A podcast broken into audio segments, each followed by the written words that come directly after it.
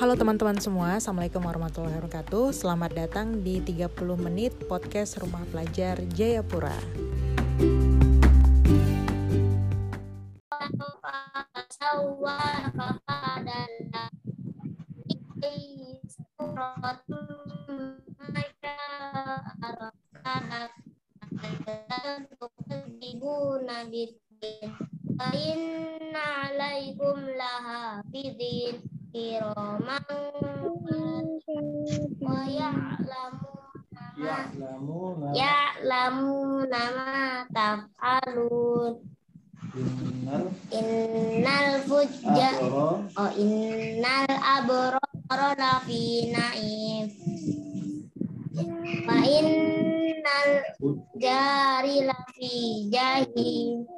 yaslaunaha yaumaddin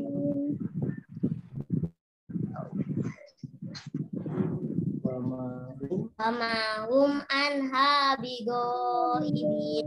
Wama kama yaumuddin Summa ma adra kama yaumuddin Yauma la tamliku nafsin syai'a wal amru yauma izin lillah Assalamualaikum warahmatullahi wabarakatuh Merdeka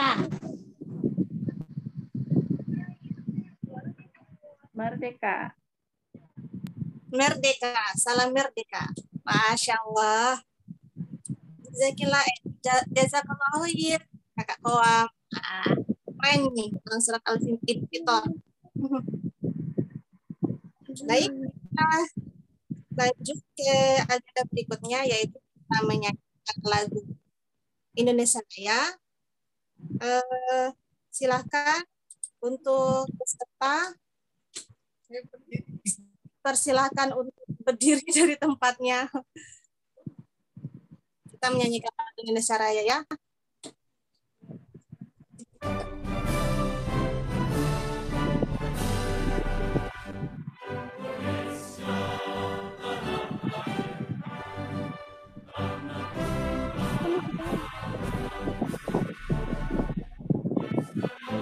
Di sana lah aku berdiri jadi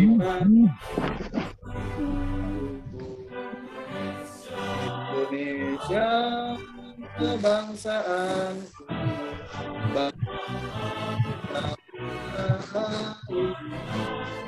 Marilah kita bersatu bersatu Bahkan aku negeriku bangsaku. Rakyatku semuanya. Jiwanya bangga Indonesia Raya. Indonesia Raya merdeka tanahku merdeka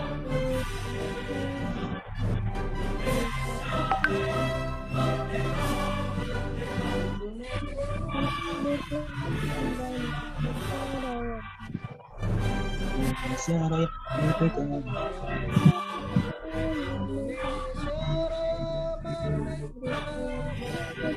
Tanahku negeriku yang ku cinta Indonesia merdeka merdeka hidup Indonesia Raya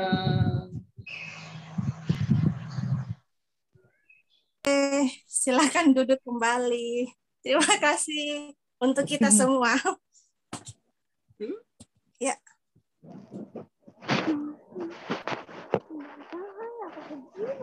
Baik, Alhamdulillah kita sudah eh, menyanyikan lagu Indonesia Raya. Semoga dengan setelah menyanyi dan bergerak sedikit eh, bisa lebih bersemangat di hari Ahad ini ya. Kita siap menerima materi.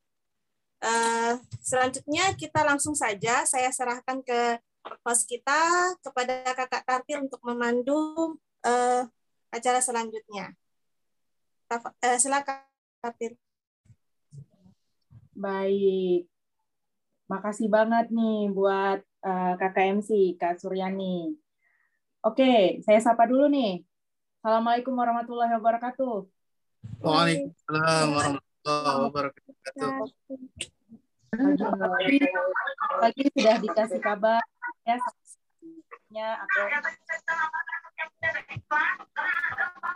Rupa Jayapura. Relawan Rupa Jayapura terus tiba-tiba tahu kalau ternyata hari ini hari Ahad ini ada kegiatan kray lagi nih sama kayak pekan yang lalu. Terus siapa sih di sini yang tiba-tiba langsung kayak oh iya atau masih langsung kayak serabutan harus ngapain dulu ya kayak gitu ya. Ada sini yang kayak gitu? Ada ya, paling beberapa orang pasti ada saja uh, ketika mereka harus uh, gabut ya ke sana kemari mempersiapkan segala sesuatu untuk ikut ini. Masya Allah, diapresiasi sekali. Anyway, sebelum kita lanjut ke pembahasan kita yang seru pada pagi hari ini, mungkin Kak Tartil minta reactionnya dulu dong. Kasih bagaimana reaction kalian?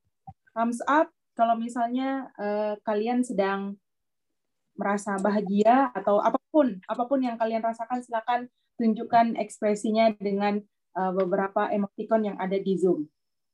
Silakan. Kita lihat nih. Oke. Okay. Dek, pakai celananya, Dek. Silakan, silakan. Thumbs up. Oke. Okay. Oke. Okay. Uh, kita mulai ya, teman-teman.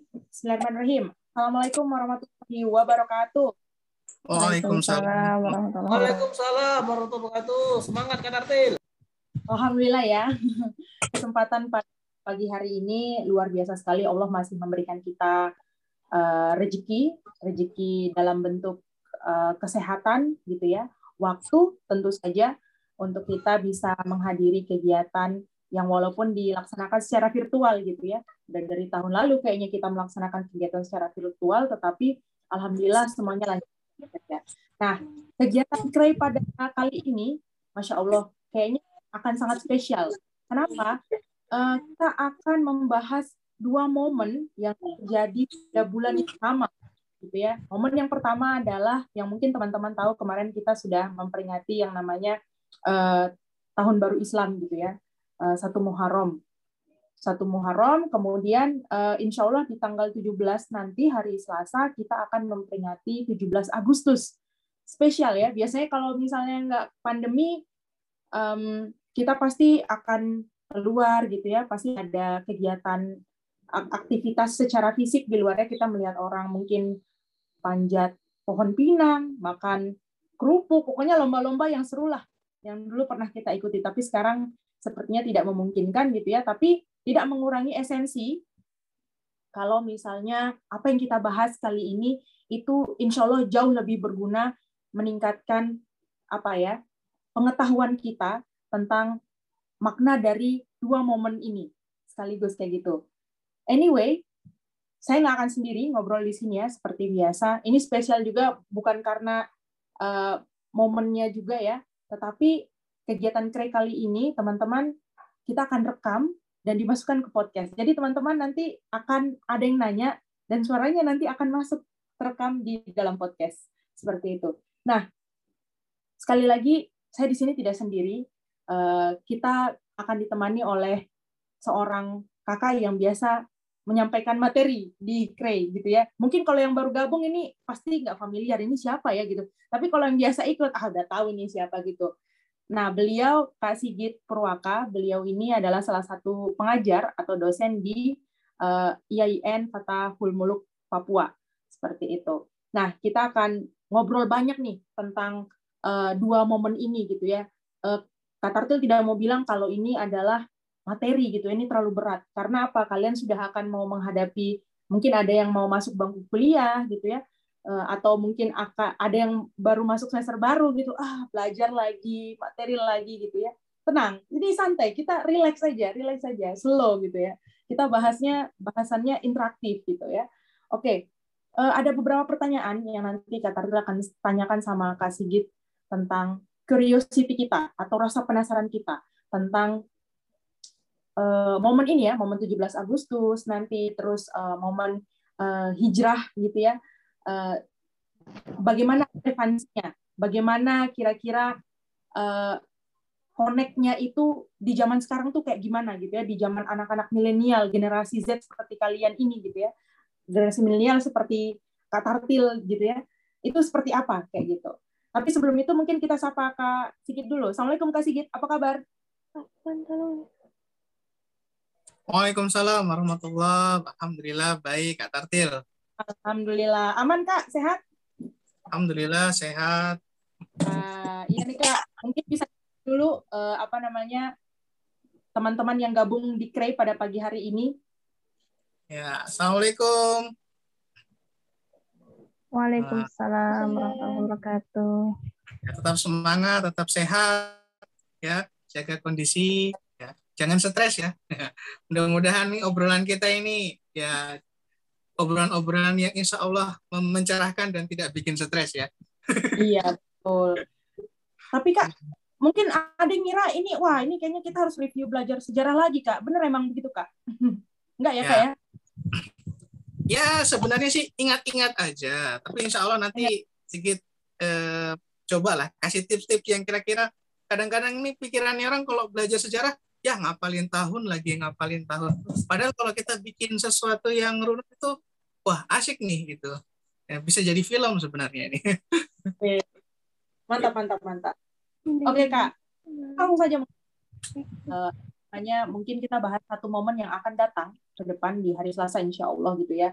Kalau kita ngomong tentang kemerdekaan nih Kak Sigit, mungkin uh, ya kita kan sudah pernah dijajah oleh beberapa bangsa ya, dari Spanyol, kemudian Portugis lah ya, Portugis, Spanyol, habis itu Belanda, habis itu Jepang gitu ya, dan uh, yang paling lama sebenarnya Belanda nih. Dan salah satu serikat dagangnya namanya VOC kalau teman-teman uh, apa buka uh, kalau teman-teman masih ingat ya VOC bukan PCO ya Virgin Coconut Oil bukan minyak ya.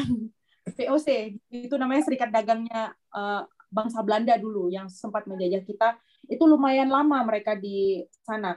Nah kira-kira Kak Sigit ada nggak sih peran ulama ketika bangsa-bangsa itu sebenarnya udah lama kan datang? Bayangkan aja tiga setengah abad mereka menjajah bukan menjajah ya menjajah Indonesia itu tiga setengah abad itu 350 tahun gitu ya. Berarti kan oh itu lama banget itu. Dengan umur segitu pasti banyak sekali nilai-nilai kebiasaan bahkan itu sudah tersisip gitu ya sudah sudah masuk di dalam kehidupan uh, masyarakat Indonesia saat itu gitu kan nah kira-kira ada nggak sih saat itu Hmm, jadi ya teman-teman sekalian, kita dulu mungkin pernah belajar bahwa sebelum kita pakai nama Indonesia, kita punya sebutan apa?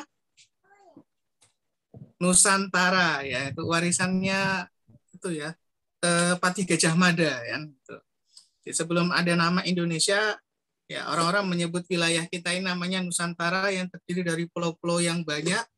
Maka terkait dengan kapan bangsa Eropa masuk ke Indonesia, ya tentunya itu berbeda-beda karena memang tur pulau itu banyak.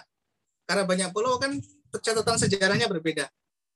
Saat mendarat di Maluku, saat mendarat di Jawa, saat mendarat di Sumatera, ya sehingga banyak teori sejarah. Makanya jangan pusing juga ketika belajar sejarah. Oh, buku ini dengan buku ini kok lain ya gini.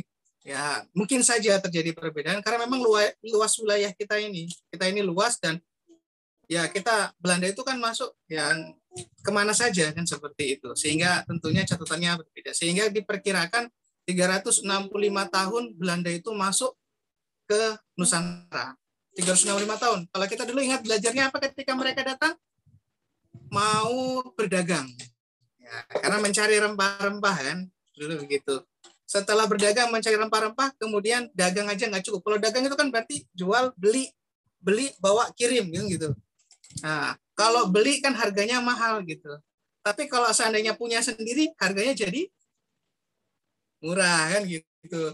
Akhirnya berbaliklah niatnya yang dulu Belanda itu niatnya beli rempah-rempah, berubah kemudian menjadi ingin menguasai rempah-rempah. Nah, kalau pernah main game Monopoly, siapa yang pernah main game Monopoly gitu kan? ya gitu lah kira-kira Belanda tuh. Waktu datang ke sini, kayaknya beli-beli doang nggak asik deh gitu. Kita nggak kaya-kaya gitu. Ya sudahlah kita kuasai sekalian. Nah, awalnya dari menguasai itulah kemudian eh, terjadilah penjajahan. Nah, tentunya sikap-sikap yang dilakukan Belanda ini yang menjajah eh, Nusantara ini ya itu mendapatkan perlawanan gitu. Makanya kita kalau kita lihat itu kan pahlawan-pahlawan itu kan pertama bergeraknya di daerah-daerah kan gitu. Ada yang di Jawa perang sendiri. Perang sendiri, yang di Maluku perang sendiri. Kenapa perangnya sendiri? Ya memang kita pulaunya banyak gitu kan. Gitu. Jadi belum ada namanya Indonesia waktu itu sehingga mereka berperang bersifatnya kedaerahan. Nah, sampai di sekitar tahun masuk di tahun 1905 Coba nih 1905. Nah, itu baru kemudian muncul kesadaran bahwa ternyata Belanda itu udah keliling Indonesia ya. di Sumatera ada, sampai di Maluku ada, sampai di Papua juga ada waktu itu ya. Bahkan yang terakhir diserahkan kembali ke Indonesia itu Papua terakhir itu ya. Orang sebutnya dulu Irian Barat. Jadi eh, setelah menyadari bahwa wah ternyata beneran ini dijajah nih. Nah, barulah kemudian muncul kesadaran kemudian para ulama ya khususnya ini yang kadang-kadang uh, kita sering lupakan ya kalau saya tanya sama adik-adik ayo ya uh, kira-kira ormas yang paling tua di Indonesia ormas yang paling tua organisasi masyarakat yang paling tua di Indonesia itu apa kira-kira? Ada yang tahu nggak? Organisasi yang tertua di Indonesia. Ayo ada yang tahu nggak? Nah, kalau gitu deh, kalau ditanya organisasi Islam yang paling banyak anggotanya sekarang, Nahdlatul Ulama. Nah, itu Nahdlatul Ulama tahu. Tapi ternyata Nahdlatul Ulama bukan yang tertua. Hmm. Justru yang tertua itu adalah perkumpulan para habaib. Eh, para habib-habib ini turunan apa eh, orang-orang keturunan Arab dari Yaman, ya ada yang habaib, ada juga yang bukan gitu ya. Itu mendirikan Jamiat Al-Khair tahun 1905. Itu baru kemudian mengeluarkan apa ya eh, hasil muktamar itu kemudian memutuskan bahwa ini penjajah harus dilawan. Kita harus merdeka menjadi bangsa yang mandiri dan sendiri gitu. Pokoknya harus bisa. Jadi tahun 1905 itu sudah ada ulama ya ya yang kemudian mendirikan perkumpulan. Kemudian terjadi karena monopoli dagang yang besar, akhirnya pertama itu Jamiat Al Khair itu fokusnya ke pendidikan. Hmm, ternyata kita nggak boleh kalah sama dagang. Akhirnya kemudian tahun 1965 eh, ya 1965 lagi. Tahun 1905 kemudian tahun berapa ya saya lupa itu. Kemudian berdiri Syarikat dagang Islam. Uh, Syarikat Dagang Islam.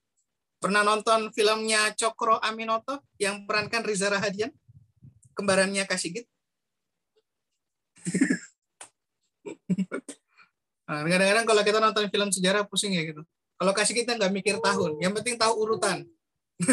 Urutannya Jamiat Al Khair, habis itu kemudian Syarikat Dagang Islam, baru kemudian Muhammadiyah, kemudian Persis, kemudian NU. Nah, jadi ini zaman itu belum merdeka Indonesia tuh. Tapi para ulama itu sudah mulai membuat perkumpulan, kemudian e, bersama-sama, kemudian ingin mencerdaskan bangsa. Karena nggak mungkin tahu-tahu langsung perang merdeka, nggak. Apa yang dibangun dulu? Pendidikannya dulu. Hmm. Makanya berkumpulnya para ulama ini untuk menyadarkan bangsa, menyadarkan rakyat, oh, bahwa kita ini dijajah, kita ini harus maju, kita ini harus merdeka, kita harus cerdas. sampai kemudian melahirkan tokoh-tokoh yang revolusioner, yang kemudian dia berani secara langsung menyatakan bahwa ingin merdeka. Siapakah itu tokohnya? Itu yang di uang 100 ribu itu. nah, itu Bung Karno dan Bung Bung Hatta ya. Nah, Bung Karno itu termasuk salah satu muridnya pendiri Syarikat Islam, Syarikat Dagang Islam itu. Ternyata dari pendidikan itu akhirnya kemudian memunculkan para pemuda-pemuda yang luar biasa jadi ulama itu ternyata sangat berperan gitu untuk membangkitkan kesadaran bahwa pentingnya kemerdekaan. Konsepnya apa? Hijrah. Hijrahnya dulu adalah hijrah dari kondisi dijajah, hijrah menjadi merde, merdeka. Itu konsep hijrah pada saat itu. Jadi hijrah itu menyadarkan masyarakat untuk mencari kemerdekaan. Mungkin kalau tidak ada semangat hijrah, kita masih dijajah. Uh, itu loh luar biasanya ulama dulu itu. Itu loh Kak Tartil. Mantap, mantap, mantap. Wah, keren ya. Berarti uh, kita sebagai bangsa yang besar itu ternyata tidak boleh melupakan peran-peran para ulama gitu ya. Uh, jangan sampai kita lupa bahwa peran mereka itu sangat besar sebelum uh, periode kemerdekaan tersebut. Jadi kalau kita ingat-ingat uh, salah satu teks yang ada di Undang-Undang Dasar 45 gitu ya. Jadi kemerdekaan ini eh, kemerdekaan atas berkat rahmat Allah Subhanahu wa taala yang didorong dengan luhur gitu ya kalau diingat-ingat gitu. Mungkin ini saya sudah lulus SMA kenapa harus ingat-ingat undang-undang pembukaan 145 lagi gitu ya. Tapi jangan sampai dilupa kalau misalnya ya kita bisa ada ternyata atas perjuangan para ulama gitu ya subhanallah. Nah, berarti itu nggak cuma ukhuwah Islamiyah aja kita ya. Jadi kayak cuma persaudaraan antara sesama umat Islam aja ya, Kak ya, Kak ya. Saat itu. Wah, ini melibatkan semua. Jadi ketika kita lihat dulu kondisi ya eh, Indonesia ini menarik ya. Kalau kita tahu urutan-urutan waktu kita dijajah itu, ya, yang ingat ya coba, yang terakhir jajah Indonesia negara mana yuk? Yang terakhir. Bukan. Selalu kita ingatnya kan Indonesia dijajah Belanda. Kenapa paling diingat? Karena paling lama kan gitu. Nah, setelah setelah itu terjadi, ya setelah itu terjadi ya eh, Belanda ini kan masuk di tentara sekutu nih pas waktu itu masih waktu kondisinya masih perang dunia ya perang dunia kedua ya eh, ada yang pernah nonton Pearl Harbor kalau kasih kita mah orangnya malas baca buku tapi hobi nonton ya. Solusinya saya mau gitu. Dulu ada film namanya Tora Tora Tora bukan Tora Sudiro ya. Tora Tora. Itu menggambarkan bahwa pasukan Jepang yang orang Asia, orangnya kecil-kecil, kalau boleh kan gede-gede gitu, dia ingin membuktikan bahwa dia itu orangnya apa, eh, pasukannya hebat, ya kemudian dia menghancurkan Pearl Harbor, ya. Dari situ kemudian eh, Belanda kan masuk bagian dari sekutu tuh, akhirnya Belanda menyerah, Jepang masuk ke Indonesia sekitar tahun 1900 40-an ya, 1940-an. Dua tahun, berarti 45 kurang 2, 4, 3 atau 42. Ya, 1942. Ya. Jadi si tahun 1942 ya, itu Jepang yang menduduki Indonesia, Belanda pulang. Tuh. Belanda pulang. Yang datang apa? Jepang. Jepang menjajah Indonesia, tapi Jepang juga bilang gini dulu. Bro, nah, Jepang mau perang. Jepang butuh dukungan kalau Jepang nanti menang, Indonesia saya merdekakan. Nah, itu janjinya dulu sama Bung Karno begitu. Bung Karno bilang, wah baiklah kalau begitu. Gitu. Akhirnya kemudian eh, banyak hal yang terjadi sama penjajah Jepang, ada penindasan, tetapi tetap terjalin komunikasi. Ya, memang kalau kita buka sejarah Jepang itu, wah ada rumusannya juga itu kita dari kerja paksanya juga tuh, ya. Tapi yo coba memanfaatkan fasilitas yang digunakan oleh Jepang. Makanya kemudian kalau kita dulu belajar BPUPKI kok ada bahasa Jepangnya? Ya karena memang BPUPKI itu dulu yang dirikan Jepang. Nah ketika BUPKI ini dikumpulkan, itu tadi rencana untuk bikin apa? Untuk bikin eh, keperluan-keperluan kemerdekaan Indonesia. Maka yang diundang itu bukan hanya para ulama, tapi dari tokoh-tokoh nasionalis, kemudian juga ada tokoh-tokoh dari uh, agama lain ya. Bukan hanya muslim dari lima agama kemudian berkumpul kemudian merumuskan Pancasila. Nah, jadi Pancasila undang-undang dan segala macamnya itu itu dirumuskan di tahun yang sama. Itu di tahun berapa? 1945 jadi 45 itu baru mulai disusunnya Pancasila makanya kita sering meringat peringatnya kan 1 Juni 1 Juni hari lahir Pancasila Itu akhirnya istilah Pancasila, bukannya. Jadi Bung Karno itu. Satu juta setelah 45 ini udah gabung nih. Ah, kira-kira kalau mereka Indonesia buara tidak? Ah. Entah. Kita itu pembela tanah air man ya. Itu ikut. setelah ikut yang eh, oh calon TNI-nya sudah ada. Dari situlah kemudian konsep ini dibuat bahwa eh, Indonesia ini berasaskan ketuhanan yang Maha Esa, ya. Walaupun tidak bisa kita pungkiri bahwa peran ulama dan peran tokoh-tokoh Muslim itu juga banyak dalam proses kemerdekaan Indonesia yang dibangun tadi dari semangat eh, hijrah ini. Namun kita mengetahui bahwa semuanya memiliki peran eh, dalam proses kemerdekaan Indonesia. Makanya kita juga ingat eh, ada posisi kita sebagai umat Islam punya ukhuwah Islamiyah, persaudaraan Islam, teman dengan siapa. Bahkan kalau kita belajar dulu zamannya Kiai Haji Sopo tuh ya, Ahmad Dahlan, tahu nggak Ahmad Dahlan? Yang waktu itu pernah dibuat filmnya Sang Pencerah. Ahmad Dahlan itu. Itu kan belajar bikin sekolahnya kan belajarnya sama orang Belanda gitu. Bagaimana sih caranya bikin sekolah ngelola sekolah? Lalu kemudian akhirnya uh, beliau mendirikan sekolah. Yang sekarang jumlah sekolahnya itu banyak sekali. Bahkan perguruan tingginya sudah ada sampai seluruh uh, Indonesia itu punya perguruan tingginya ya siapa kakek zaman itu dia yang mendirikan Muhammad Muhammadiyah dia belajarnya dari siapa orang Belanda Walaupun satu dibilang, kok belajar dari orang kafir? Ternyata justru ketika belajar mencapai mendapatkan ilmunya, kemudian itu yang dipakai kemudian untuk mengembangkan dakwah. Jadi kita ini bergaul dengan siapa saja, mengambil ilmu dari siapa saja, ya, bersahabat dengan siapa saja, ya. Tapi tetap kita ingat bahwa kita memiliki jati diri, ya jati diri bangsa, karakter kita juga sebagai seorang muslim itu jangan sampai kemudian luntur. Gitu. Menarik, menarik, menarik, menarik. Wah, menarik, menarik sekali nih kak. Uh, jadi ini mungkin bisa jadi apa ya pengingat buat kita semua bahwa tidak ada batasan untuk kita uh, bergaul dengan siapa saja, belajar dari siapa saja gitu ya, untuk berbagi sharing sesuatu gitu ya. Tetapi kita harus mengetahui jadi diri kita sebagai masyarakat atau bangsa Indonesia dan juga sebagai uh, masyarakat Muslim gitu ya, pribadi Muslim dan Muslimah. Anyway, ada pertanyaan yang menarik lagi nih kak. Jadi kan uh, setelah kita dijajah oleh Belanda nih, terus istilahnya ini drama drama penjajahan di Indonesia kayaknya nggak berhenti berhenti. Habis dijajah setiap bangsa, uh, habis Belanda kita dijajah sama Belanda, datang lagi uh, apa Jepang, habis itu Belanda lagi kayak gitu ya. Istilahnya drama itu kayak muter aja, kayak nggak selesai selesai gitu. Di situ kan pasti ada perjuangan para ini ya penduduk sipil anggaplah seperti itu atau masyarakat Indonesia pada umumnya gitu kan.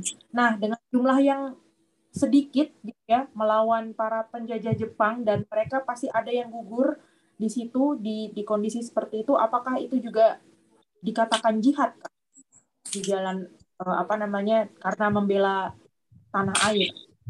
Hmm. Ya, ini menarik nih ya.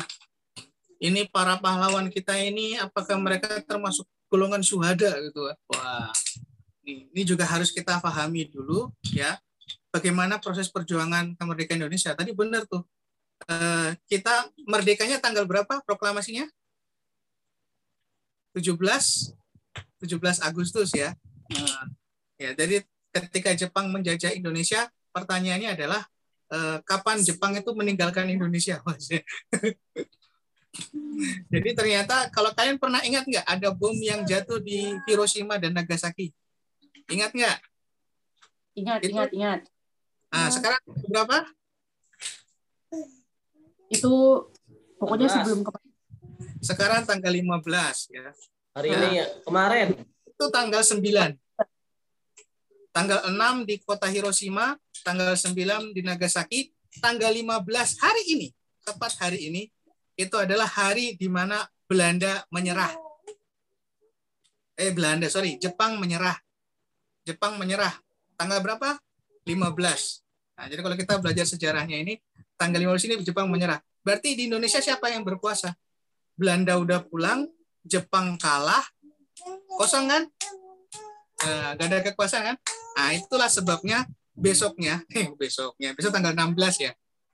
Hmm. Tanggal 16 ini ada anak muda ya yang tidak mau Indonesia ini statusnya merdeka karena pemberian Jepang. Toh Jepang juga sudah kalah. Akhirnya daripada nanti orang Jepang nyari Bung Karno kemudian Bung Karno diculik, kita culik duluan. Jam 3 subuh. Malam ini kita tunggu jam 3 subuh tuh. Nah, itu peringatan Bung Karno jam 3 subuh dibangunin sama anak muda. Diculik. Dibawa ke Rengas Dengklok. Rengas Dengklok itu di mana? Daerah Karawang. Ya. Hmm, Dekatnya Bekasi kayaknya. Daerah Karawang. Diculik. Diculik cuma didiamin aja gitu. Bingung tuh Bung Karno itu. Diculik. Ya. Karena ingin memberitahu sama Bung Karno bahwa Jepang benar-benar sudah menyerah gitu. Setelah yakin benar-benar bahwa Jepang itu sudah menyerah, sudah kalah, barulah kemudian muncul usulan. Kalau gitu kita proklamasi saja. Tapi proklamasi di harus di Jakarta. Baiklah kita ke ke Jakarta. Jadi malamnya itu langsung ya ke tempatnya orang Jepang yang dulu katanya janji mau kasih kemerdekaan buat Indonesia. Tetapi Jepang tidak punya kekuatan apa-apa. Lalu dia baru Bung Karno mengatakan, ya kalau Jepang sudah nggak punya kekuatan, jangan halangi kami untuk proklamasi. Tuh punya Bung Karno luar biasa itu ya. Akhirnya orang Jepang itu, ayo, yang kemudian memberikan tempat atau memberikan rumah, silakan bapak-bapak berkumpul di sini rapat untuk mempersiapkan proklamasi. Ada yang masih ingat siapakah itu orang Jepangnya? Namanya Laksamana. Ya, Oh, Laksamana Muda Maeda. Eh, kalau ada yang bertanya, kok orang Jepang ngasih pinjam rumah gitu? Ya, ya karena dia dulu punya janji mau kasih kemerdekaan Indonesia, tapi Jepang kalah, nggak jadi. Akhirnya kemudian dia mempersilahkan Bung Karno untuk proklamasi, memproklamirkan kemerdekaannya, dia fasilitasi rumahnya. Itu malam sampai sahur. Tuh, ternyata waktu itu bulan Ramadan itu. 17 Agustus bulan Ramadan. Ya Allah pas puasa-puasa tuh. Heeh. karena semalaman begadang tuh bikin teks proklamasi, paginya Bung Karno sakit. Kemudian Bung Karno dibawa ke rumahnya eh, siapa ya namanya kayak belakangnya namanya Martak ini, seorang keturunan Arab Yaman yang menghibahkan rumahnya untuk Bung Karno untuk apa kemerdekaan Indonesia. Tuh. Yang rumahnya di alamatnya di Jalan Pegangsaan Timur, Jakarta itu. Yang selalu selalu dituliskan kalau kita baca buku sejarah tulisnya Jalan Pegangsaan Timur. Kalau gitu ya, Jalan Pegangsaan Timur. Tapi gurunya nggak pernah ngajar itu rumah punya siapa. itu. Jadi itu rumahnya eh, salah satu tokoh dari Arab ya, turunan Yaman ya. Rumahnya eh, Faraj bin Martak ya. Faraj bin Martak yang menyewa memberikan rumah pengusaha juga sih dari dari Arab ya. Di rumah itu yang kemudian dipakai untuk proklamasi. Itu paginya Bung Karno sakit ya. Nunggu-nunggu sampai kemudian eh, Bung Hatta datang lalu kemudian dengan menahan eh, sakitnya itu beliau memproklamirkan kemerdekaan Indonesia. 17 Agustus 1945 Indonesia merdeka. Sudah proklamasi. Nah akhirnya proklamasinya ini disebarkan lewat radio seluruh Indonesia ada yang panas nih. Wah Indonesia berani sekali proklamasi. Panas gua. Siapa yang panas kira-kira ya? Belanda. Baru ditinggal bentar udah berani merdeka. Kira-kira orang Belanda itu. Akhirnya apa? Belanda balik lagi men. Indonesia sudah proklamasi kemudian sudah eh, menetapkan presiden dan wakil presiden gitu. Belanda datang lagi tidak terima. Diserang Indonesia secara militer serang sembarangan. Turun di Semarang Semarang diserang. Turun di Surabaya Surabaya diserang. Pokoknya rakyat sipil banyak yang mati dalam kondisi saat itu. Yang yang kita sebut dengan agresi militer Belanda. Oh. Jadi ternyata Indonesia setelah proklamasi itu langsung merdeka gitu. Oh tidak setelah menyatakan merdeka dibalik serang. Nah, tentara sudah dibentuk belum waktu itu? Dikit. Mantan-mantan peta dikit gitu. Butuh bantuan nggak? Butuh bantuan rakyat. Cuma rakyatnya nurut sama kiai. Nurut gitu.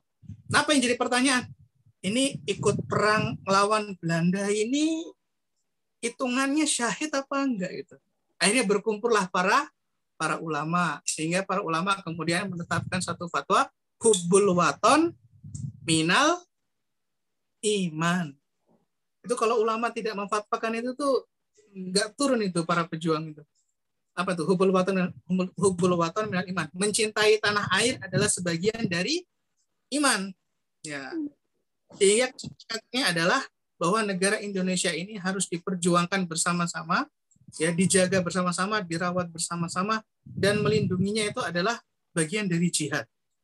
Nah, Dari situlah kemudian eh, banyak pasukan-pasukan yang sipil kemudian bergabung dengan laskar-laskar, ya bergabung dengan para kepanduan-kepanduan, ya ini kayak Slayer nih pandu ini ya.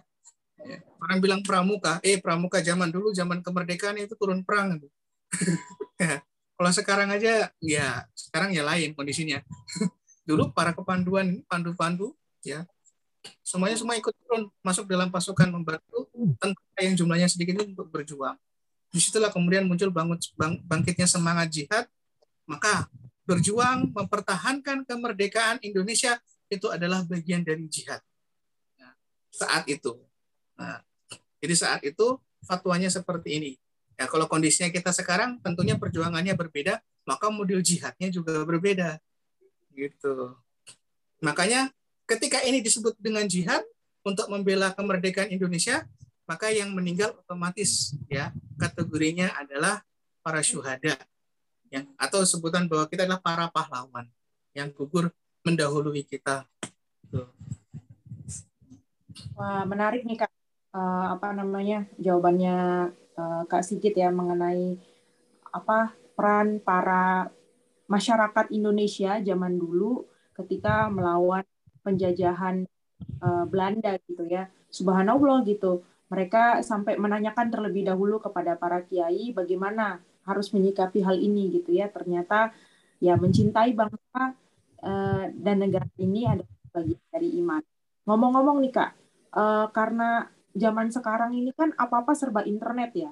Semuanya tinggal scroll up, scroll down aja. Mau apa-apa cari informasi mungkin sekarang kita bahkan kalah update dengan eh, apa namanya adik-adik atau kakak-kakak yang lain gitu ya yang hadir pada forum pagi hari ini gitu. Nah, kira-kira nih ya eh, kita sebagai pemuda ini tantangannya untuk memberikan kontribusi kepada bangsa ini tuh apa aja sih? Iya, jadi saya teringat sebuah kata-kata mutiara itu. Nggak tuh mutiara dari dalam lautan gitu. Jadi kalau sudah dikeluarkan dengan kata-kata mutiara ini. Eh, Jangan bertanya apa yang sudah negara berikan kepadamu. Tapi bertanyalah apa yang sudah kamu berikan kepada negara. Wah. Nggak tahu ya, itu dari sejak SD guru saya selalu ngomongnya itu terus gitu. ya. Mungkin sebab sebab dari situ ya saya berusaha untuk melakukan sesuatu yang terbaik ya. apalagi saya kondisinya sekarang adalah abdi negara. Jadi lebih baik coba melakukan tugas-tugas yang baik ya. Hmm, jadi Jadi apa pun itu ya kak ya, maksudnya entah dia abdi negara atau maksudnya untuk saat ini kan banyak ya eh, apa namanya jenis pekerjaan yang itu tidak harus membuat kita selalu memberikan yang terbaik dari diri kita itu tidak harus menjadi seorang ya anggaplah ASN seperti itu ya, tapi juga banyak pekerjaan yang lain selama dia ada di Indonesia eh, apa namanya sebagai masyarakat Indonesia harus memberikan kontribusi yang terbaik gitu ya, kasih gitu ya. Iya, artinya begini. eh, yuk kita berkarya gitu. Eh, saya yakin bahwa kita ini memiliki jiwa-jiwa para pejuang. Kita ini turunan-turunan pejuang loh. Ya, ini turunan-turunan pejuang, turunan-turunan orang-orang yang survive ya. Karena kalau nenek moyang kita nggak survive, kita nggak lahir. Kan gitu. Nah, itu orang tua kita survive sehingga kita kemudian dilahirkan di masa ini yang kita harapkan adalah ya kita bisa menjadi orang-orang yang berkontribusi baik, bukan jadi masalah buat negara, ya, tapi kita bisa menjadi solusi, ya. Artinya teman-teman seperti ini, eh, kita buat sesuatu hal yang kemudian itu bermanfaat, ya, yang kemudian itu bermanfaat buat kita, dan juga kemudian ini juga nanti bermanfaat bagi orang banyak, ya. Apa pun itu, apa pun itu, selama itu positif dan kemudian itu bermanfaat, insya Allah itu menjadi bagian dari kontribusi kita untuk negara. Ya, kita nggak mungkin eh, artinya gini, kasih kita tidak menuntut kita harus membuat sesuatu hal yang kemudian eh, itu suatu hal yang besar gitu ya, yang kemudian itu memiliki nilai. Saya misalkan contoh Pak Habibie, misalnya, ya, saya nggak menuntut adik-adik untuk seperti Pak Habibie harus bisa bikin pesawat terbang. Ya, ya beda lah. Kasih jurusannya PAI nggak bisa bikin pesawat terbang kan gitu. kan gitu atau mungkin yang eh, teman-teman yang lain memiliki artinya bidang yang eh, kita pilih ya bidang yang kita pilih paling tidak kita kemudian seriusi lalu kemudian kita memiliki karya dan kemudian kita menebar manfaat itu malah jauh lebih baik menunjukkan bahwa kita benar-benar mengisi kemerdekaan ini. Ya jadi yuk kita hijrah lah gitu ya. Dari hal-hal yang tidak bermanfaat kemudian menjadi hal-hal yang bermanfaat. Kita hijrah lah dari eh, kebiasaan nyusahin menjadi kebiasaan yang membantu orang lain ya. Jadi makna hijrah ini harus kita bawa gitu. Ketika dulu hijrahnya adalah gue dijajah gue harus merdeka. Nah sekarang hijrahnya ini adalah ya gue dulu apa ya, saya ini adalah orang yang eh, tidak bisa punya kontribusi nggak bisa memiliki manfaat berubah menjadi orang-orang yang memiliki eh, manfaat bagi banyak orang. Jadi itu yang kita bawa gitu untuk mengisi kemerdekaan ini ya. Kami kasihan juga sebenarnya kalau kita ini eh, banyak-banyak menuntut pengen ini pengen itu. Ya pertanyaan adalah apa yang sudah kita bisa berikan. Makanya teman saya dulu selalu mengingatkan saya seperti ini nih ini boleh nih quote-nya bagus nih kayaknya kata-katanya itu ya. uhwah itu ya atau bersahabat itu atau bersaudara itu ya bukan tentang mendapatkan apa tapi tentang memberikan apa. Menarik, menarik. Oh, hmm, jadi kita nggak perlu ha, apa ya? Maksudnya kita nggak perlu membuat, bukan nggak perlu juga sih. Artinya uh, tidak harus membuat perubahan yang besar sekali harus dilihat oleh semua orang untuk menunjukkan bahwa kita berkontribusi untuk uh, Indonesia, gitu ya. Tetapi apa yang kita bisa lakukan dengan uh, kita saat apa pun itu bisa menjadi nilai yang luar biasa gitu ya untuk uh, apa namanya berkontribusi untuk Indo Indonesia seperti itu. Well, Kak, ada pertanyaan menarik lainnya. Ya. Uh, kalau jadi, punya kalau punya cerita besar, kalau punya punya cerita besar, punya visi besar, ya jangan sampai itu dihilangkan lah gitu. Ya, tapi hmm. kalau ingin memulai sesuatu dari hal-hal yang kecil, ya lakukan dari yang kecil-kecil itu. Hmm, jangan sampai nggak punya visi besar gitu. Iya iya, tetap tetap bermimpi besar gitu ya, tetap bervisi yang besar gitu ya. Karena dengan visi yang besar itu yang membuat kita tetap thrive gitu ya untuk berusaha uh, menggapai visi itu. Kayak gitu. Anyway, ada pertanyaan lain lagi yang menarik nih Kak. Jadi uh, saya punya teman gitu ya.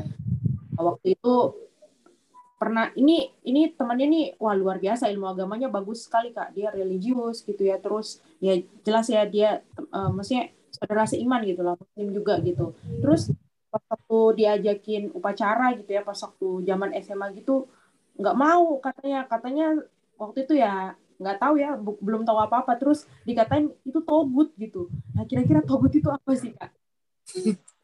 Ini yang sering-sering gitu. sering-sering diomongin ini ya gitu ya. Uh, jadi begini uh, Togut itu adalah sesuatu yang dipuja, sesuatu yang disembah selain Allah. Uh, ya semacam berhala atau mungkin ya semacam sesuatu hal yang kemudian itu di, dipuja. Bisa jadi bentuknya bukan berhala, tapi sesuatu yang kemudian itu diyakini memiliki kekuatan. Bisa jadi seperti itu. Nah, permasalahannya adalah kita uh, menyadari bahwa kita ini memiliki ikatan dan kesepakatan ya Ikatan kesepakatan artinya adalah kita ini terikat dalam satu kesatuan yaitu Negara Kesatuan Republik Indonesia. Ya, maka di dalamnya ini ya ada beberapa hal yang kemudian membangkitkan semangat patriot kita yang mengingatkan kita dengan eh, jati diri kita sebagai bangsa Indonesia yang sebenarnya sederhana. Jadi ketika kita menghormat kepada bendera, itu hakikatnya bukan kita itu hormat ke bendera itu. Ketika kita hormat kepada bendera itu, kita sedang mengingat perjuangan seseorang yang berusaha untuk menaikkan bendera merah putih dalam kondisi ya peperangan. Masih ingat waktu kejadian di Surabaya tanggal 10 November bagaimana ketika seorang itu manjat naik ke tiang bendera ada bendera Belanda merah putih biru yang dia robek warna birunya supaya tetap berkibar bendera merah putih ya. Itu yang diingat ketika kita melihat bahwa tentang perjuangan menegakkan. Bendera itu simbol simbol suatu negara menghormatinya ini itu bukan berarti kita nyembah bendera bukan. Tapi kita sedang mengingat bagaimana bendera ini bisa tegak negara ini bisa tegak. Kita sedang mengingat kita menginginkan adalah itu membangkitkan jiwa patriotisme kita. Jadi jangan sampai kemudian dikiranya itu nyembah bendera. Yo enggak. Nah, sehingga tolong yang pemahaman-pemahaman yang ini yang sering kemudian adalah eh, terlalu fokus gitu. Jadi fokusnya itu terhadap jati diri sebagai seorang muslim. Ya, memang tidak salah, tetapi ketika posisinya adalah eh, lupa bahwa dia memiliki identitas lain. Ini yang kemudian jadi masalah. Kasikit seorang muslim. Kasikit juga adalah bangsa Indonesia. Kasikit juga adalah orang keturunan Jawa. Kasigi juga adalah seorang suami. Kasigi juga adalah seorang guru.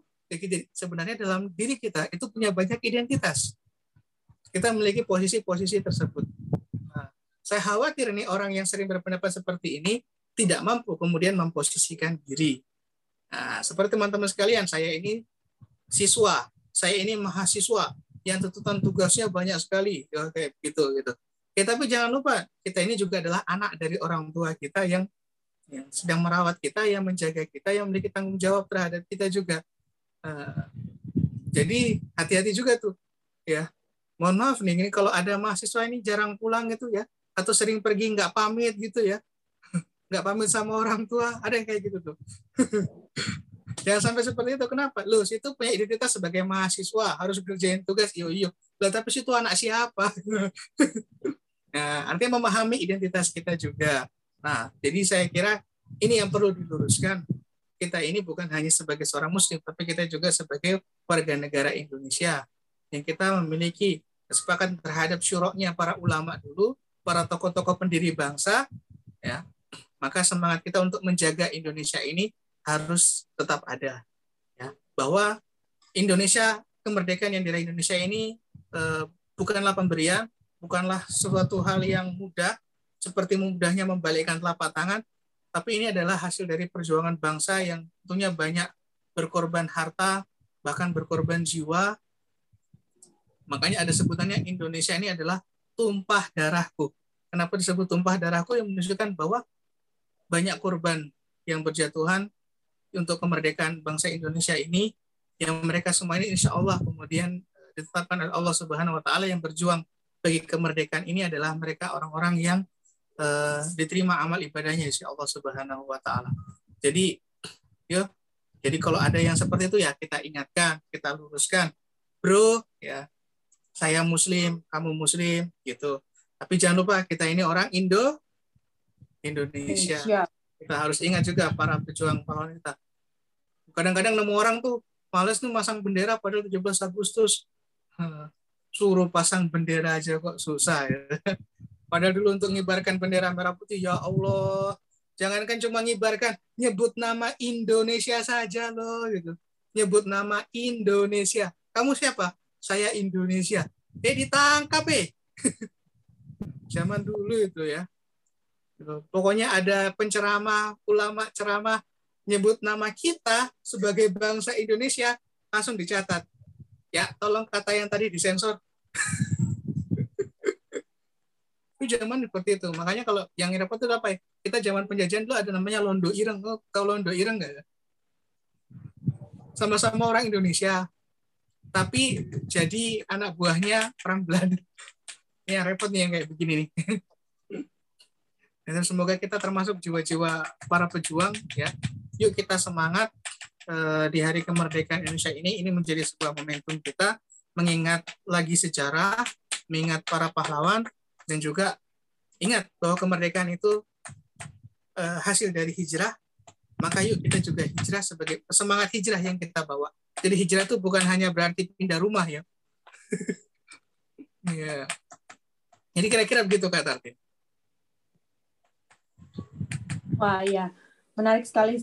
Jadi ya itu mungkin jadi pengingat ya buat kita dan teman-teman yang lainnya kalau misalnya ya identi- identitas kita itu bukan hanya eh, apa ya, bukan hanya seorang muslim gitu ya, bukan sebagai masyarakat muslim saja gitu, tetapi kita adalah orang Indonesia. Kita berbangsa Indonesia, berbangsa satu seperti itu.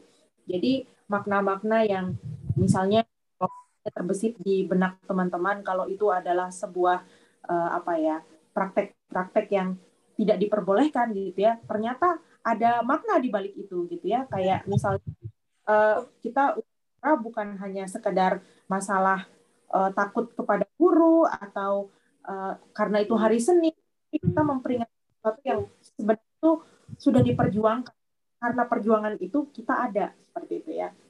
Nah, menarik nih Kak ngomong tentang uh, apa namanya hijrah tadi ya. Saya mau mengutip kembali bahwa nah hijrah yang saat ini mungkin kita apa namanya maknai kalau misalnya direlevansikan atau dikoneksikan dengan hari kemerdekaan ini gitu ya, tanggal 17 Agustus itu adalah bagaimana uh, persiapan kita berubah menjadi seseorang yang uh, apa namanya siap memerdekakan diri dari hal-hal yang sebenarnya itu uh, kita sebagai pribadi yang apa ya istilahnya ingin menjadi pribadi yang lebih baik seperti itu ya. Kalau zaman dulu kan hijrahnya itu dari terjajah menjadi uh, bangsa yang merdeka ya. Kalau sekarang itu kira-kira gimana nih Kak? Makna hijrah yang uh, yang harusnya kita maknai di zaman sekarang. Ya, tentunya hijrah ini kalau bahasanya kasih kisi sederhana sih. Dari pribadi yang kurang bermanfaat menjadi pribadi yang lebih bermanfaat. Artinya kan kita menginginkan bahwa hijrah itu adalah perubahan dari yang eh, biasa saja menjadi pribadi yang lebih baik. Kalau ada yang mengatakan bahwa hijrah kok berat gitu ya, kita ingat dulu bahwa zamannya Nabi Muhammad dan para sahabat ketika hijrah dari Mekah ke Madinah, dan ini harus ingat nih, jangan bayangin perjalanan apa eh, pindah rumahnya, bukan tentang itu, tapi tentang perjalanannya, ya dari Mekah ke Madinah. Ketika hijrah, itu sahabat tidak bawa apa-apa kecuali yang dipakai di badan. Berat nggak kira-kira? Situ suruh berangkat, pindah tempat, pindah tempat tinggal ke tempat lain, tapi nggak boleh bawa bekal. Kenapa? Soalnya berat. Itu, bawa bekal seadanya. Bahkan ada yang memang cuma bawa baju yang ada di badan saja. Gitu. Padahal orang Mekah itu profesinya itu adalah pedagang. Jadi pedagang itu kan berarti kan barang dagangan tidak ada yang dibawa, ditinggal. Semua ditinggal di Mekah. Hijrah ke Madinah. Makanya kalau kita nemu ada kisahnya hijrah itu ketika sampai di Madinah, itu orang yang di Madinah berbagi sama orang yang dari Mekah, kaum muhajirin ini, setengahnya. Jadi kalau yang punya eh, rumah dua, satu rumahnya dikasih.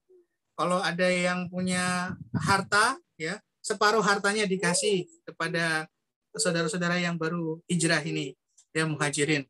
Ya, bahkan ada yang punya istri dua, nggak jadi tapi yang itu. Nah, istri saya nyubit.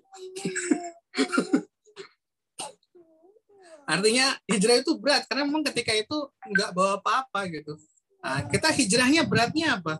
Ya hijrah kita itu beratnya adalah karena kita sendiri harus menguatkan uh, kemauan kita. Misalnya nih, saya ini uh, ngegamenya lebih banyak daripada waktu belajarnya. Yuk kita hijrah, kita balik gitu. Jadi waktu gamenya dikurangi, uh, waktu belajarnya ditambah gitu atau kita belum punya waktu untuk ngaji ya kita tambah lagi waktu untuk untuk ngaji Jadi eh, banyak hal yang kemudian kita bisa mulai dari hal-hal yang kecil itu bagi bentuk hijrah kita. Ya, ya mungkin dulu kalau pergi nggak pamit, ya, Assalamualaikum, jalan gitu. Yuk kita balik, kita rubah hijrah gitu. Hijrahnya bentuknya apa? Ya setiap mau pergi salam, salim sama bapak, salim sama ibu, tuh. Itu sudah sudah bentuk wah luar biasa sekali itu. Mau pergi, assalamualaikum pak, salim. Eh, Assalamualaikum bu, salim. Eh, jangan khawatir ya. Kalau kalau tiba-tiba misalnya orang tua kan dibilang, eh tumben-tumben ini. ya, nggak apa-apa, tumben-tumben. Siapa tahu kalau dicari-cari, kenapa kok tumben-tumben begitu? Oh ternyata ikut rupa. Wah, alhamdulillah itu. gitu. Jadi apa itu sederhana saja sebenarnya itu eh, terkait dengan hijrah. Mungkin akan ada tantangan, mungkin ada yang bilang kok tumben, kok aneh, kok tiba-tiba ya udah gitu. Biasanya ketika perubahan di awal-awal banyak yang tidak terbiasa atau kaget. Tapi insya Allah ketika dijalani menjadi lebih baik, ya kebaikan itu menular insya Allah. Ya, jadi makna hijrah itu tidak hanya sekedar pindah satu tempat ke tempat yang lain gitu ya. E, mau ke mana? E, saya hijrah dulu ya sebentar ke kota sebelah gitu ya. Jawabannya kayak begitu. Tapi ada perubahan gitu ya, ada perubahan perilaku dari yang awalnya e, mungkin tidak diinginkan ya, kurang baik menjadi baik. Oke Kak, mungkin pertanyaan terakhir, last remark dari Kak Sigit untuk topik kita pada kali ini. Hijrah dan nikmat kemerdekaan untuk pada hari ini. Cepat aja kak, karena kita akan lanjut dengan beberapa pertanyaan. Mungkin kita diskusikan satu, gitu ya, satu pertanyaan dari. Nah, silakan kak, last remarknya. Ya, uh, hijrahnya, ya, uh, kita merasakan nikmat kemerdekaan ini adalah merupakan proses kesadaran hijrahnya para pejuang-pejuang bangsa yang dulu kemudian mulai sadar bahwa pentingnya kemerdekaan sehingga kemudian hijrah itu membangun sebuah pemikiran untuk berpindah ya keadaan dari keadaan terjajah menjadi keadaan bangsa yang merdeka. Kini kita sudah menikmati nikmat kemerdekaan itu, maka kita sebagai anak bangsa ini mulai hijrah. Hijrah dari orang-orang yang kemudian biasa-biasa saja, hijrah menjadi pribadi yang luar biasa hijrah dari pribadi yang dulunya mungkin biasa saja, kemudian menjadi pribadi yang lebih baik. Hijrah ini bukan berarti makna pindah, tetapi hijrah ini merupakan makna perubahan, perubahan yang ke arah yang lebih baik, ke arah yang lebih bermanfaat, ya perubahan yang insya Allah bisa membuat kita berkarya, yang memiliki dampak luas, ada manfaatnya bagi agama, bangsa, dan negara. Luar biasa, mantap. Jadi hijrah itu perubahan dari yang biasa saja menjadi luar biasa gitu ya. Dengan ikut rupa, insya Allah kita fasilitasi untuk menjadi luar biasa gitu ya. Oke, teman-teman, makasih banyak kasih atas uh, apa namanya paparan topik tentang uh, hijrah dan nikmat kemerdekaan pada edisi spesial hari ini. Sekarang uh, kita buka diskusi nih. Pertanyaan dulu satu orang jangan malu-malu. Jadi nanti ini masuk nih suaranya ke podcast nih. Ada yang mau bertanya silakan raise hand atau uh, kalau misalnya malu-malu chat aja biar uh, saya sampaikan. Silakan. Ada?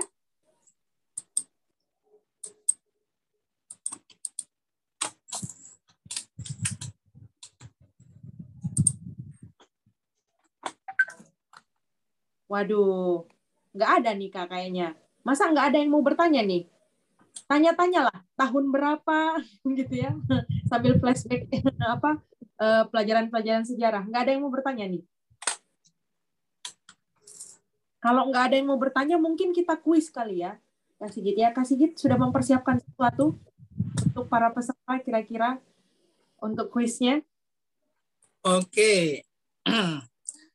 Baik, kalau nggak ada yang bertanya berarti kasih kasih kuis. Nah. Iya, gantian yang nanyanya ini kenapa jadi kayak kelas kan? Oke, silakan. Insya Allah ini kuisnya berhadiah. Ya. Insya Allah hadiahnya eh, naik haji bila mampu. Dan insya Allah ada hadiah menarik dari Rupa. Ya, baik. Model kuisnya adalah begini. Kak Sigit akan memberikan pertanyaan, ya, dan silakan dijawab lewat chat, ya. Ada chatnya nanti kan ada chat Zoom nih ya. Silakan langsung jawab. Insya Allah soalnya ini eh, jawabannya pendek-pendek aja. Ya, siapa yang menjawab benar, ya, siapa yang menjawab benar, ya, yang paling cepat nanti kan ada yang ting ting ting ting ting gitu ya. Yang paling atas duluan jawab dia akan mendapatkan skor 10, yang kedua jawab 9, 8, 7, 6, 5. Jadi soalnya bukan cuma satu, tapi soalnya cukup banyak ya. Ya, bisa jadi nanti yang pertama kali ngechat jawabannya dia urutan satu, belum tentu pertanyaan kedua dia di urutan satu lagi. jadi ini cepat urutan jawab ya. Yang dapat skor itu yang jawabnya benar ya. Jadi ada Jadi nanti semua 10, tolong ini ya. 8, 7, 6, 5, 4, 3, 2, 1. Waktu menjawabnya 20 detik. Minta tolong kakak Min untuk pantau gitu ya siapa yang pertama gitu ya karena nanti ya kita tidak tahu ada kendala koneksi gitu ya silakan mohon depannya Ini jawabnya di kolom chat ya. Iya betul Oh. sekali Oh, ya. saya di host kan tidak ya? Enggak ya? Yang tadi ada yang bisa ini nampilin. Kita sekarang Mungkin atau bisa Kak, tes, kesi- tes, tes kesiapan dulu kak. Mungkin kasih reaction oh ya dulu. betul. Kak, ini jangan sampai pada tidur semua. oke. iya ya Tes kesiapan dulu ya. Oke. on. Pertanyaannya adalah ya tes yang pertama dulu ya tesnya ya. Proklamasi kemerdekaan ya dibacakan pada tanggal berapa? Coba. wah ini gampang sekali kasih bisa kasih ikut lomba Wah, Cynthia. Cynthia ini cepat sekali ya kayak dari kemarin. Ada Cynthia, Anggun, Sila,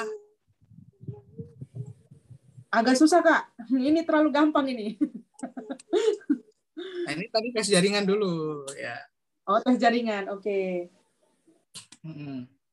waduh ini banyak yang blackout nih kayaknya tutup kamera mereka Eh, saya kalau mau buka chat gimana ya? Gimana? Sigit pakai HP kan? Yoi. Eh di sudah. Wah, keren. Ada Cynthia, Singgi, dulu. Ini diambil yang simulasi kah skornya? Enggak. Nanti skornya saya yang hitung. Oh Cynthia, iya, sip. Singgi, Cynthia, Singgi, Lulu, dan Esti. Oh ini dua orang jadi satu. Lulu, Anggun, Sila. Saya bacakan sudah. ya boleh. Sila, Sila, kemudian Ega, Nur Hasanah, Adinda,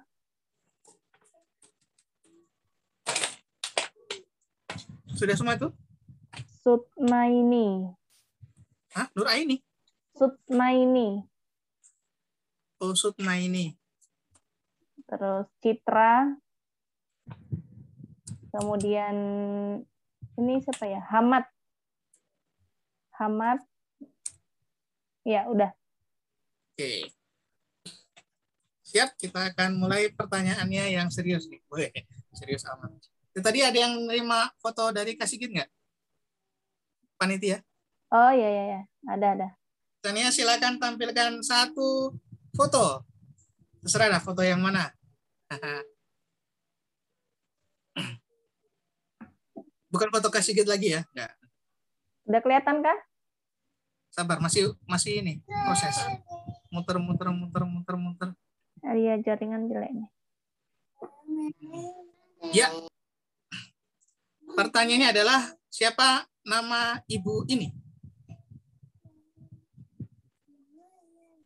Ayo, yang tahu langsung chat. Ah, aku tahu, aku tahu. Yang tahu langsung chat.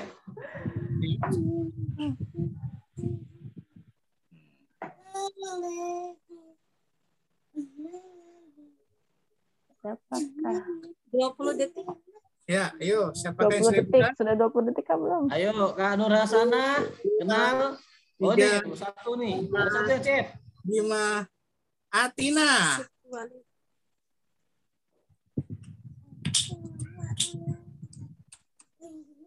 Nyai Ahmad Dahlan. Ada Tina, ada siapa nih?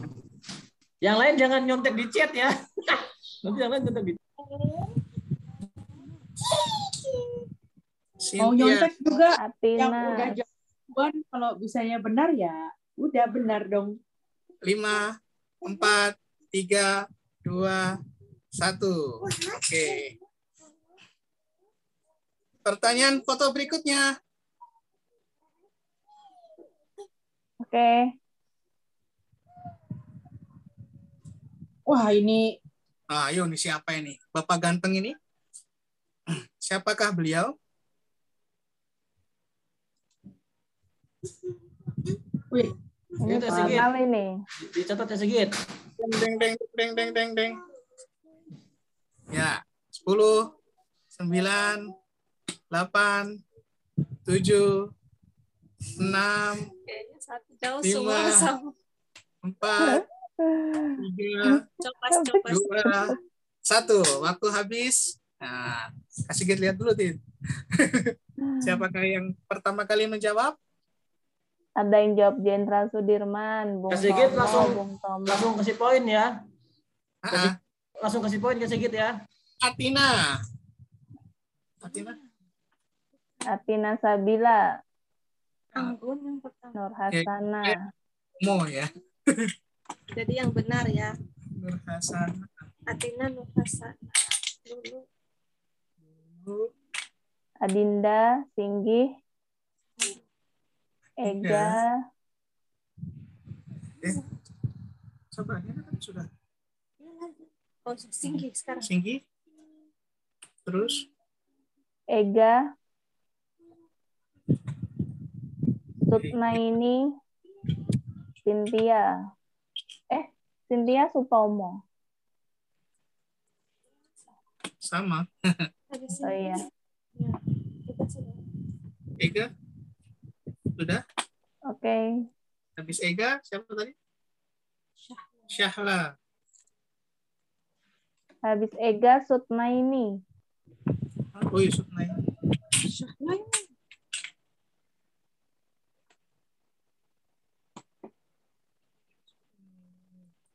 Syahla ini. ada Sila tadi Sila Syahla ya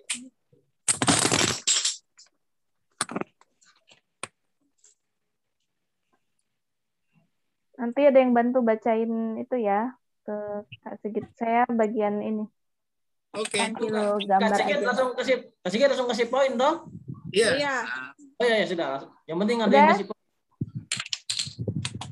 Syahla Cynthia Syahla ini su- Cynthia sudah. Cynthia Sudah. terus sudah. Habis. Udah terakhir.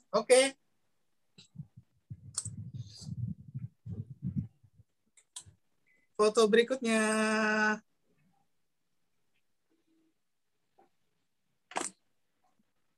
Keluar. Halo? Ayo cepat. Oh, Sudah ada ya. ada fotonya nih. Kok gelap? Jaringan, jaringan. Waduh. Di saya sudah muncul kok. Sudah muncul sini. Di sini gelap. Hati-hati fokus. Sudah muncul kah? Ada Adinda itu, Adinda Cynthia. Aduh, Nah ini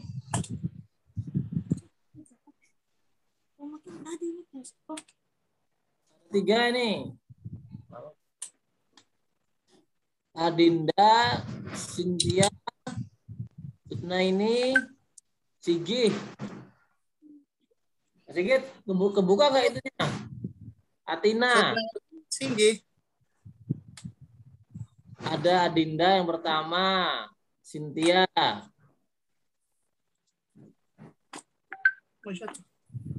Coba kasih Sigit buka chatnya.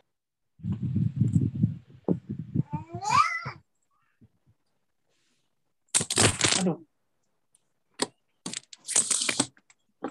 Kosong.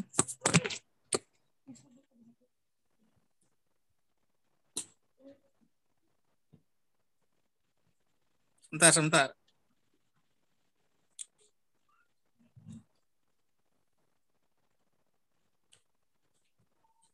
Cara bukanya di mana? Di chat. Hmm.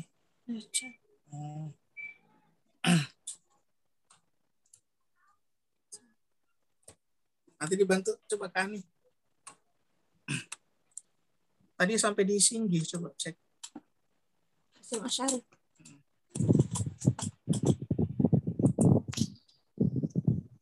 Ya, yang pertama itu yang jawab Adinda.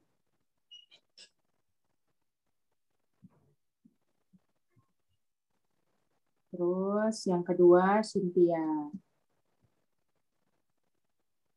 Yang ketiga Sutmaini.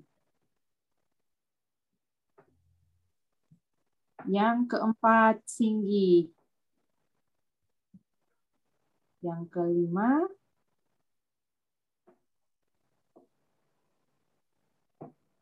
Tina.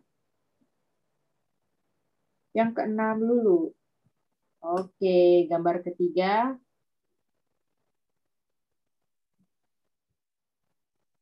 Sudah dicatat, Kak. Next.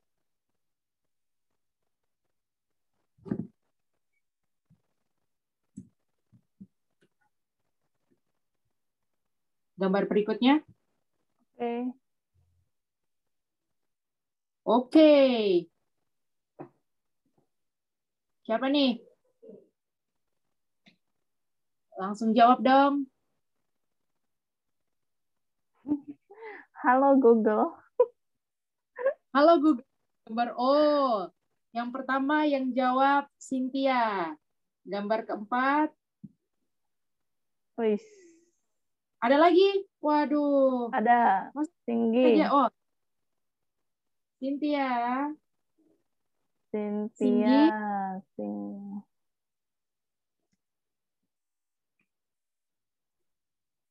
Terus Lulu ya, Lulu Atina.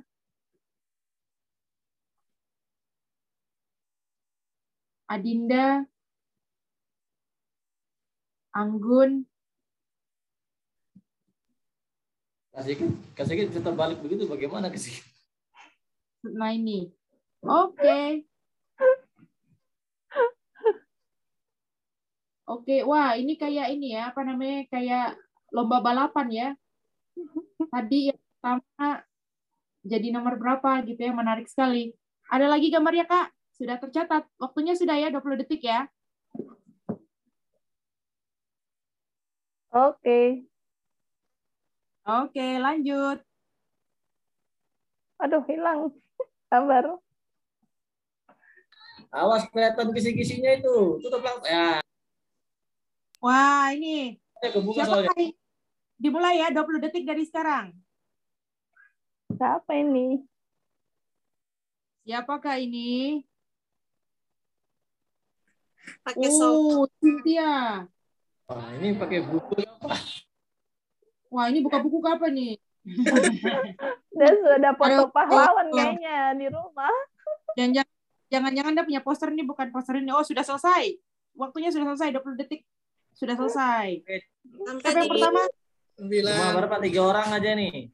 lima, Yang lain tiga, Sudah selesai, Dok. dua, satu. Oke. Tina.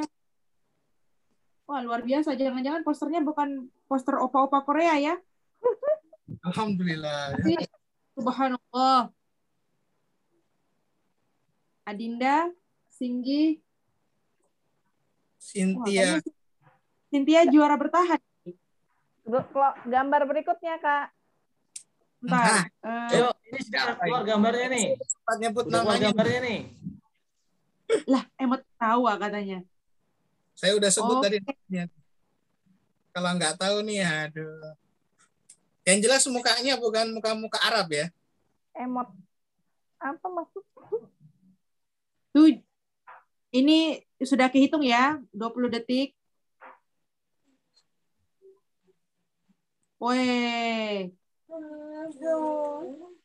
6. Oke, waktu habis 20 detik. Kak Ya. Sania ini cuma kata dagunya doang Kak Sania. Cuma kata dagunya aja. Ya begini. Ya, tahan dulu ya. Saya ngerekap dulu. Eh, Kak Sania tahan, Kak Sania tahan. Lagi mau Pak dosen. Oke. Oke. Sambil tarik nafas. Mungkin ada bocoran pemenang? Ini kayaknya eh saya masih gambar ketiga, tapi kayaknya juara balapan kalau kayak balapan ini masih Cynthia yang ngambil ini ya. Posisi Kayaknya dia sudah belajar tadi malam apa? eh, Mana Cynthia? ini. Saya saya tidak kasih tahu ya. Curiga ini kakak Sania ini. Terada. Emot ketawa lagi katanya. Masih ada berapa foto kak kakak Sania? Kenapa? Ada lagi kakak? Sudah, lanjut. Masih ada Lagi. Belum, belum, belum. masih berapa foto lagi? Mungkin mungkin empat mungkin. Terakhir nanti terakhir nanti tokoh dari Stein.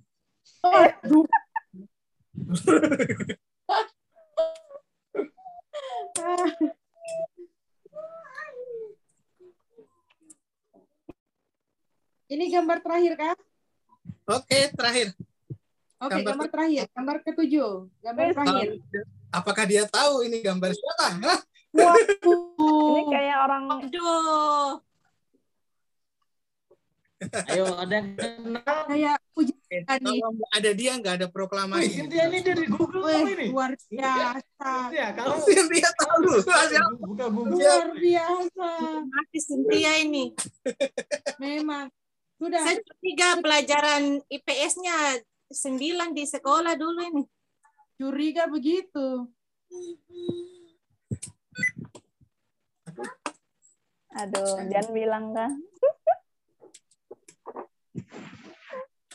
Luar biasa. Biasa di luar. Ya. Oke, cukup. Kita Dah, habis. skornya. Masih satu. Oke. Masih satu. Masih ada Oh, Ya ini terakhir nih. Fotonya Pak siapa ini? Oh. Pak Nggak ada beliau nih, nggak ada proklamasi udah nih.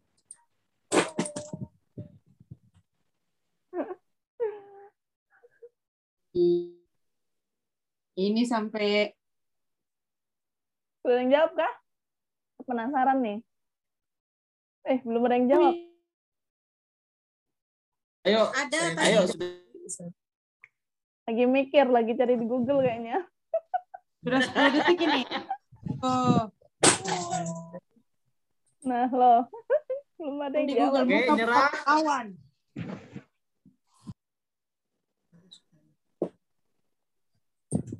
Lima, empat, tiga, dua, weh, Anggun. Anggun. biasa. Subarjo.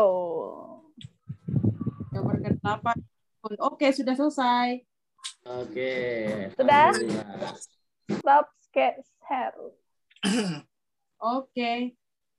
Mantap, mantap. Seru. Saya bacakan ya. Ceng ceng ceng ceng. Yang skor ya. Ini eh Bisa di hadiahnya ini kah? Wih, saya di spotlight. Kak Ari bisa di spotlight nanti yang juara itu, yang nama-namanya. Eh, yang penting ya, yang penting nyalakan itu Oh nyalakan iya, videonya. teman-teman buka kamera ya.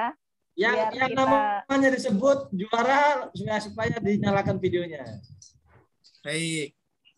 Ini untuk ya tiga orang yang nanti tiga orang apa dua orang? Tiga orang kak, tiga orang kak. Oke, tiga orang ya. Jadi juara mau satu dibacakan? Sudah mau dibacakan? dapatkan hadiah ya. Saya bacakan yang juara tiga dulu ya. Ding, ding, ding. Juara tiganya dengan skor 4, eh, sorry, dengan skor saya, saya, saya. Ya, nyalakan videonya supaya spotlight menang-menang. Satu. Lima puluh.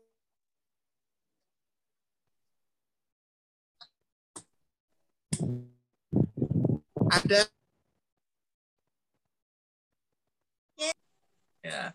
Yang nanya siapa itu kedua Aduh, saya dengar, ya, jaringannya eh, putus. Hmm. runner up dengan skor 60 siapa ya kira-kira? Dulu. Wih. Mantap, mantap, mantap, mantap, mantap. Yang Nih, ya, juara satu. nih lulu nih lulu nih, kakak spotlight nih. Tadi yang si Atina nggak ada videonya Atina. Ini mana? mana mana mana? Atina mana video? Mana Atina. Atina? Aduh siapa ya juara satu Ah, ya? ini Atina nih. Oh, Eh, udah belajar kapan tadi malam? Lulu mana Lulu? Iya. Berdua. Hmm. dulu dan Esti. Nanti bagi dua. Yang juara satu. Juara satunya siapa ya kira? Deng deng deng deng deng deng. Kita tahu siapa. beda tipis sama dengan yang juara dua. Skornya 61. Cynthia. Eh. Cynthia nggak muncul nggak muncul videonya mana Cynthia deh. Mana? Mana Cynthia? Kita beri Ya, reaction. Eh, Eh, barakallah. Pemenang ya nanti akan diberikan hadiah. Insya Allah hadiahnya bermanfaat dan bisa digunakan untuk kebaikan. Amin. Ya, semoga tetap semangat. Berfoto dulu ya, eh, sabar belajar. sabar. Saya foto dulu.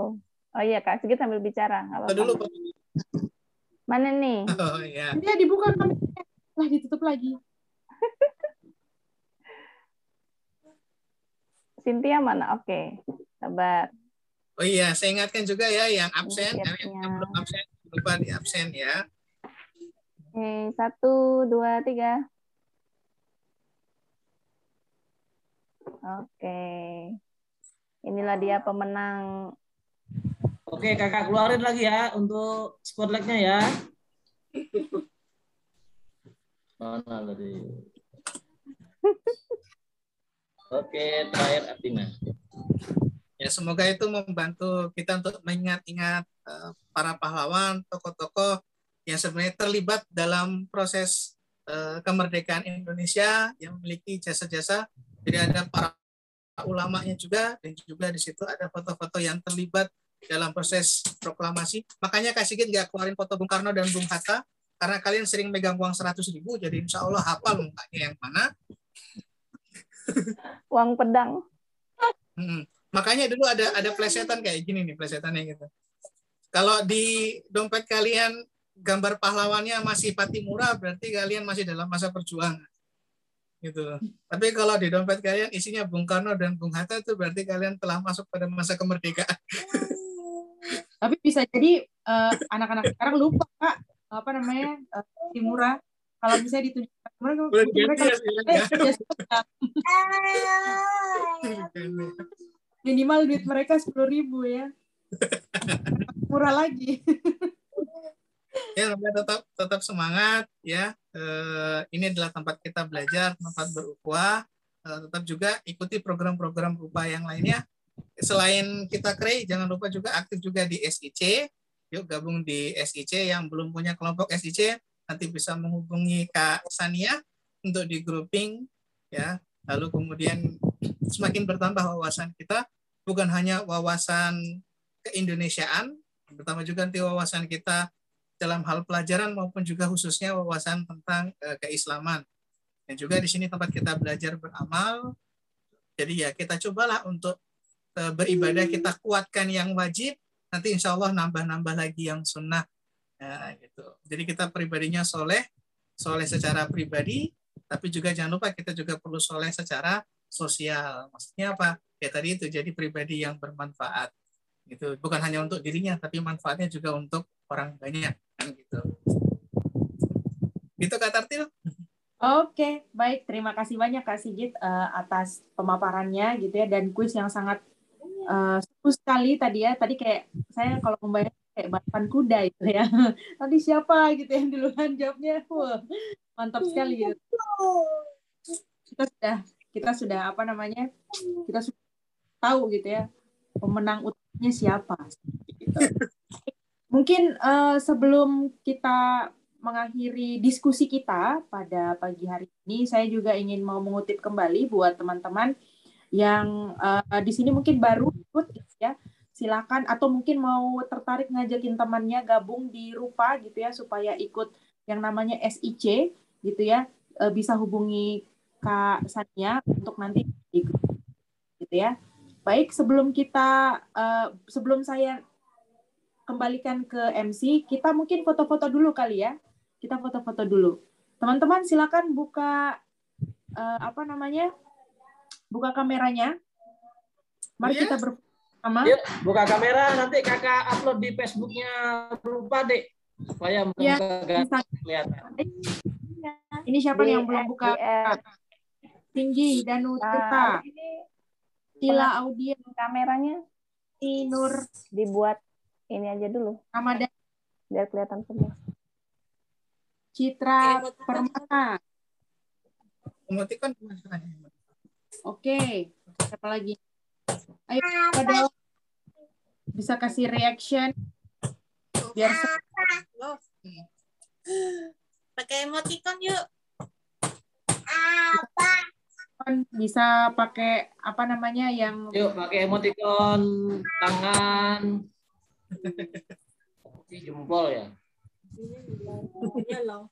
ini. Ayo. Kita pakai background. Nggak ada yang screenshotnya ini.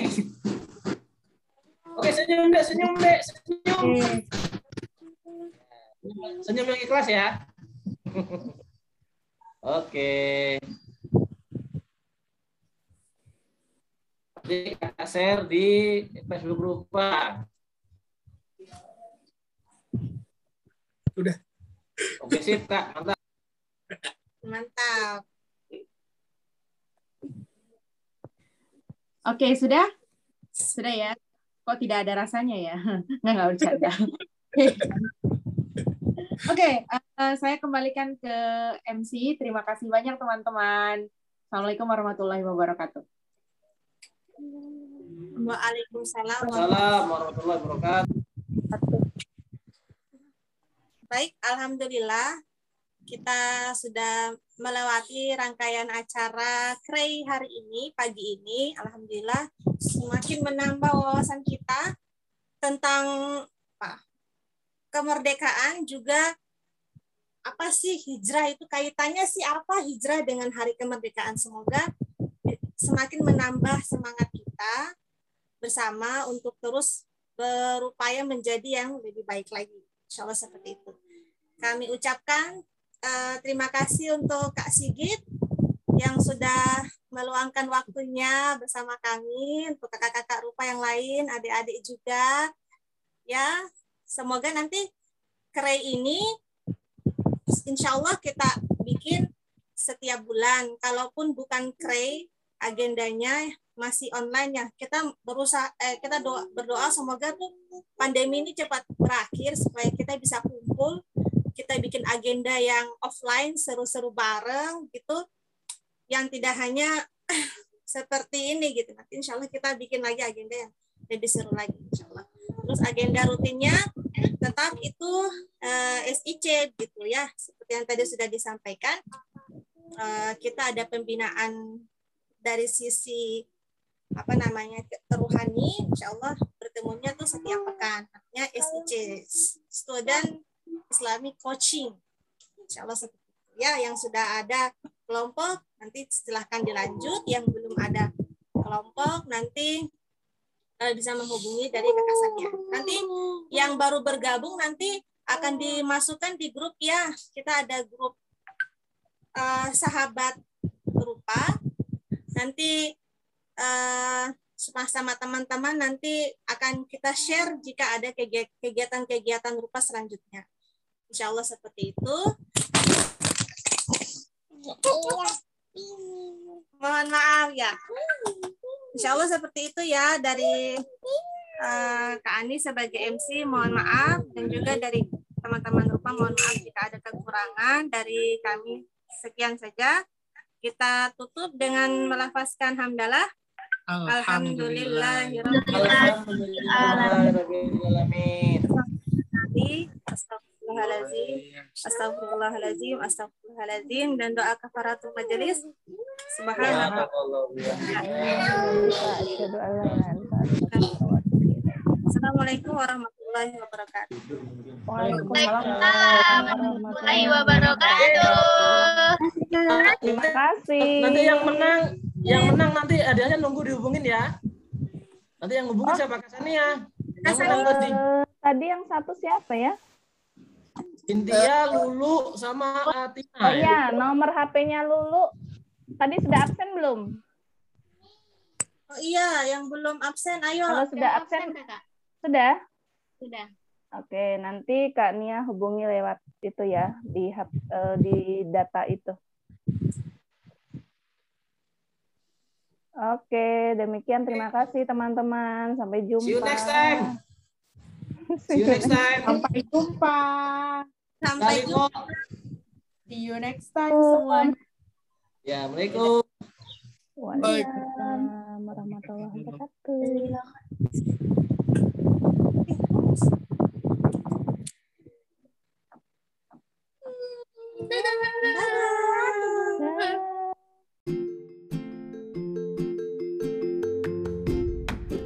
Terima kasih buat semua pendengar yang mendengarkan 30 menit podcast Rumah Pelajar Jayapura. Semoga konten yang kami berikan bermanfaat untuk kalian semua.